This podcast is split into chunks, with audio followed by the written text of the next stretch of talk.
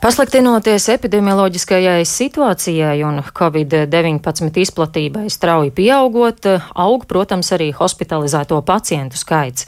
No šodienas Covid-19 slimnieku ārstēšanai atkal atvērtas nodaļas Vidzemes slimnīcā Valmierā un Rēzeklis slimnīcā, un jau ziņās vēstījām, ka pēdējās nedēļās stacionēto Covid-19 pacientu skaits pieaudzis par 36%, un šobrīd slimnīcās ar Covid-19 ārstējas 184 cilvēki. Par stacionāru un ātrās palīdzības gatavību šim rudenim sarunāšos ar neatliekamās medicīniskās palīdzības dienesta direktori Lieni Cipuli. Labrīt! Labrīt! Saslimstība tā tad aug, slimnīcas atver jaunas gultas vietas, atkal atkārtojas šis scenārijs līdzīgi kā pagājušajā gadā rudenī, vai un kā tiek jau pārkārtots jūsu dienesta darbs? Nu, vispirms mēs aizvadījām ļoti, ļoti sarežģītas brīvdienas, jo šis valsts operatīvās medicīniskās komisijas lēmums paredzēja, ka šīs divas slimnīcas reģionālās tiks atvērtas tikai no pirmdienas, tas mums brīvdienās sagādāja diezgan daudz raižu un problēmu pacientu hospitalizācijā, bet šodien ir sagaidīta, un mēs priecājamies, ka reģioni ir izrādījuši augstu gatavību šīs gultas atvērt. Uzreiz jāuzsver, ka arī Rīgā um, ir izveidots pietiekams skaits gultu, bet mūsu lielākā problēma šajā vilnī, kurš jau ir sācies slimnīcās, ir tas, ka tieši ir pieaudzis intensīvās terapijas eh, nodaļās esošo pacientu skaits, un tas, diemžēl, mums uzliek tādus eh, papildus pienākumus, vērtēt situāciju un meklēt pēc hospitalizācijas iespējām arī ļoti smagus pacientus, arī ar citām diagnozēm. Tā kā šīs brīvdienas mums tiešām jau parādīja, eh, ka priekšā stāv pietiekoši grūts darbs.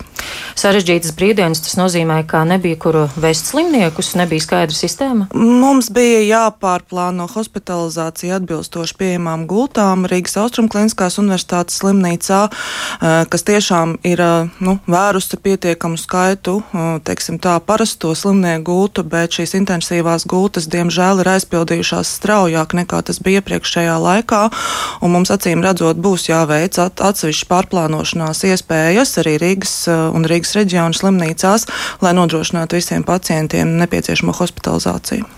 Kāda būs tā kārtība šogad, vai līdzīgi kā iepriekšējā Covid sezonā, ja tā var teikt, ka Rīgas pacientus tad iespējams vieglākus gadījumus vedīs uz reģioniem, Kā tas būs? Jā, pašlaik šāda kārtība vēl nav iestājusies. Mēs ļoti ceram, ka šīs nedēļas laikā tiks pieņemts lēmums svērt arī citas reģionālo slimnīcu nodaļas, kuras ir gatavībā un ir to apliecinājušas jau pagājušo nedēļu.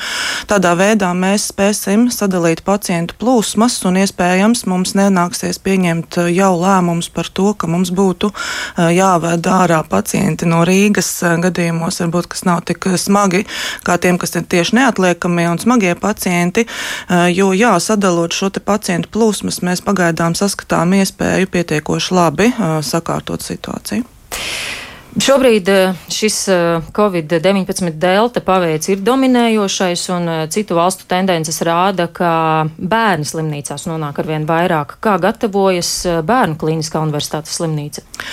Jā, mēs esam strādājuši, un Bērnu kliniskās universitātes slimnīca ir gan veikusi jau konsultācijas reģionālām slimnīcām, gan izstrādājusi algoritmus rīcībām, gan lēmumu pieņemšanai par hospitalizāciju, gan lēmumu pieņemšanai par pārņem, pārvešanu no zemāka līmeņa slimnīcas uz bērnu slimnīcu gadījumā nepieciešamība, gan arī rīcības pacientu transportēšanai, lai izvērtētu, kāda veida brigāde būtu nosūtāma pie pacienta, lai viņš tiktu transportēts uz attiecīgo ārstniecības iestādi.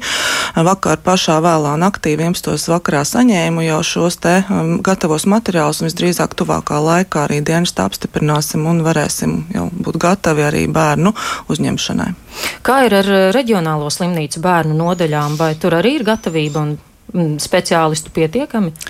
Jāsaka, ka bērnu nodaļas reģionālās slimnīcās tieši Covid eh, pacientu ārstēšanai pašlaik nav plānots lietot. Bērn, bērniem ir novirzītas katrā reģionālajā slimnīcā noteikts skaits gultu, kas ir vai nu bērnu nodaļas, vai nu infekciju bērnu nodaļas eh, nu, sastāvā.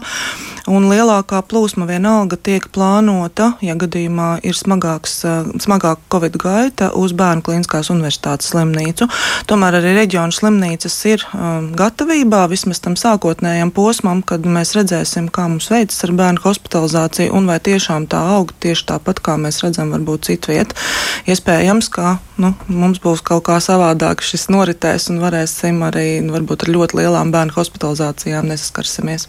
Kā ir šobrīd ar Covid-19 eh, mazajiem pacientiem bērniem slimnīcās? Ir jau pieaudzis viņu skaits vai? Jāsaka, jā, šis um, rudens jau bija sācies ar tādu nu, manāmi lielāku bērnu skaitu, um, bet, protams, tas nav liels skaits absolūtos skaitļos. Tomēr, ja mēs raugāmies uz pavasari un iepriekšējo ziemu, tad tā, tā proporcija pret pieaugušajiem bija daudz reizes mazā, mazāka. Ja, ja mums bija slimnīcās jau tūkstoši pieaugušo pacientu, tad varbūt bija kāds viens, divi, trīs bērni. Nu, mums pašlaik ir tā, ka jā, pieaugušo skaits ir apmēram tuvojamies diviem simtiem, bet bērni nu, tā diezgan tā regulāri ir pa vienam, pa diviem. Lielākais skaits ir bijis kopumā pieci jau šajā laikā, kas norāda, ka vienkārši bērnu proporcija pret pieaugušiem ir lielāka. Lai gan nevarētu teikt, ka absolūtos skaitļos tas būtu kaut kas ļoti liels. Kopumā raugoties uz gaidāmo rudens ziemu, kāda ir sajūta, vai slimnīcas ir lielākā gatavībā nekā pagājušajā gadā eh, ar visu nodrošinājumu, gan ar gultas vietām, gan plaušu ventilācijas iekārtām? Kāda ir sajūta? Ja mēs runājam par šo tehnisko uh, gatavību, tā ir lielāka un uh, plaušu ventilācijas ierīču skaits ir palielināts par 90%, tātad gandrīz dubultots. Uh, valstī tāpat ir iegādātas gultas un, un ir pielāgotas nodaļas. Tas, kas varbūt pašlaik man bažas rada, ka tā kopējā sistēmas, nu, teiksim tā, emocionālā gatavība, morālā gatavība atkal vēlreiz iet tajā ugunī, kurā mēs bijām pagājušajā gadā. Nu, jāsaka, ka vismaz neatliekamās palīdzības dienestā tā situācija ir savādāka, jā, darbinieki ir izteguši un tās sajūtas ir dalītas par to, kas mūs sagaida, un arī slimnīcu kolēģi atzīmē, ka, protams, daudz grūtāk motivēt vēlreiz, jo tas ir ļoti, ļoti ļoti smags darbs, ne tikai e, morāli, bet arī tiešām fiziski strādāt ar šiem pacientiem, e, individuālas aizsardzības līdzekļu lietošana, e, šie režīmi ļoti stingrie, kas jāievēro. Nu, šī gatavība, manuprāt, ja mums būtu lielāka sabiedrības izpratne un atbalsts par to, par ko mēs runājam, par ko mediķi iestājās, varbūt būtu vieglāk, bet jā, šī te, nu, nostāja sabiedrībā, ka iespējams tas viss ir izdomāts, nu, tas, tas nemaz, nemaz nepalīdz brīdī, kad ir atkal jāspēr solis diezgan smaga darba virzienā. Jā, bet nu, politiķi šobrīd iepauzē ar jaunu ierobežojumu noteikšanu. Jums tikmēr darba apjoms atkal pieauga, vai nebūtu laiks tomēr atkal jauniem ierobežojumiem, kā jūs raugāties? Runājot par ierobežojumiem, tas noteikti nav mediķu pat ziņā. Tas tiešām ir ļoti sarežģīti lēmumi, kas nāk, var nākt priekšā politiķiem un, un mūsu vadītājiem valsts, bet jāsaka, ka tuvākās divas, trīs nedēļas jau parādīs diezgan droši, ka mums kādi lēmumi mums ir jāpieņem, jo tās slimnīcu situācija būs šajā vilnī pats noteicošākais. Varbūt ne tik daudz tieši šīs saslimstības liknes kā tādas, bet tieši tas, kā mēs tiksim galā slimnīcās, jo tomēr pirmās šīs nedēļas rāda, ka delta variants varētu izrādīties arī ar smagāk norisošām gaitām, eh, skar jaunākus cilvēkus, kas nozīmē, ka viņi ilgāk uh, spēj cīnīties intensīvās terapijas nodaļā par savu dzīvību, kas nozīmē lielāku aizpildījumu intensīvās terapijas gultām, un tas tiešām var izrādīties lielāks izaicinājums nekā bija iepriekšējā reizē. Kādu jūs kopumā epidemioloģiski prognozējat šo rudeni un iespējams arī gaidāmo ziemu, vai atkal varētu būt tā, ka slimnīcās nāks atcelt plānveida operācijas un ierobežot kādus pakalpojumus, un atkal mums varētu iestāties kara medicīnas stāvoklis? Um, es negribu izteikt tādas prognozes, lai man atkal nesaka, ka es uh, runāju apakaliptiskas lietas, bet uh, jāsaka, ka slimnīcas jau tagad ir sākušas ierobežot pakalpojumu sniegšanu. Tie nav pārtraukti, bet tie, to apjoms ir samazināts.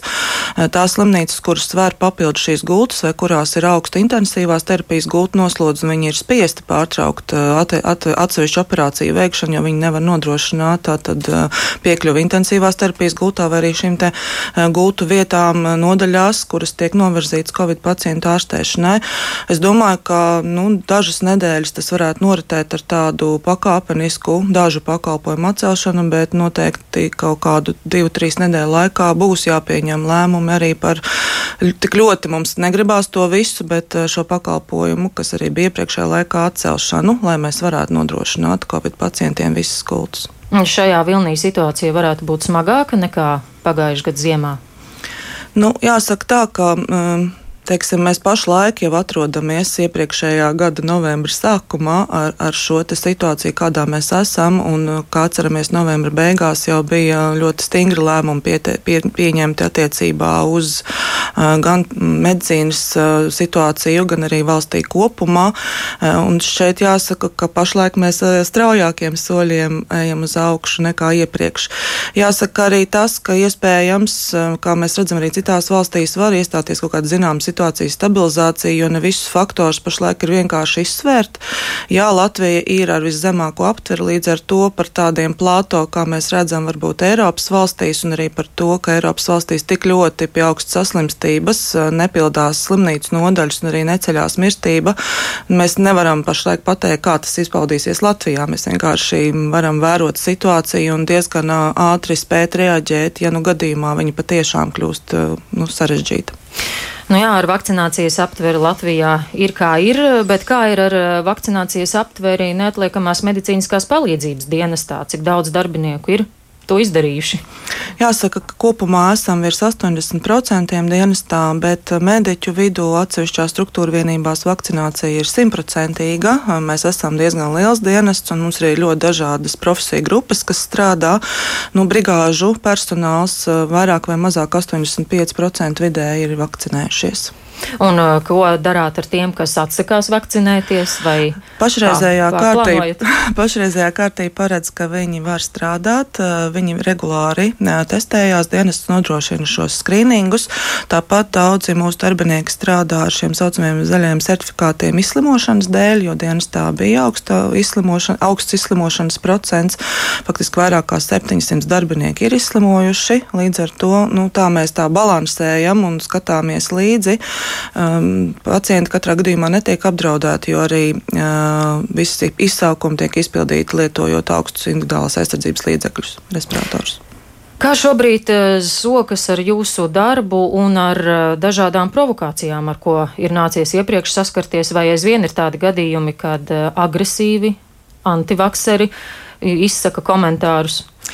Varbūt tāds gadījums vairs nav atkārtojies, un arī iepriekš nebija kāds, ar kādu mēs saskārāmies iepriekšējā mēnesī, eh, kad, kas bija tiešām vērtējama kā faktiski apzināta provokācija, bet eh, šie te komentāri mūsu virzienā, mediķu virzienā, arī es regulāri saņemu e-pastus un dažāda, dažādas ziņas, ko man vajadzētu darīt un ko man nevajadzētu darīt un kas man draud.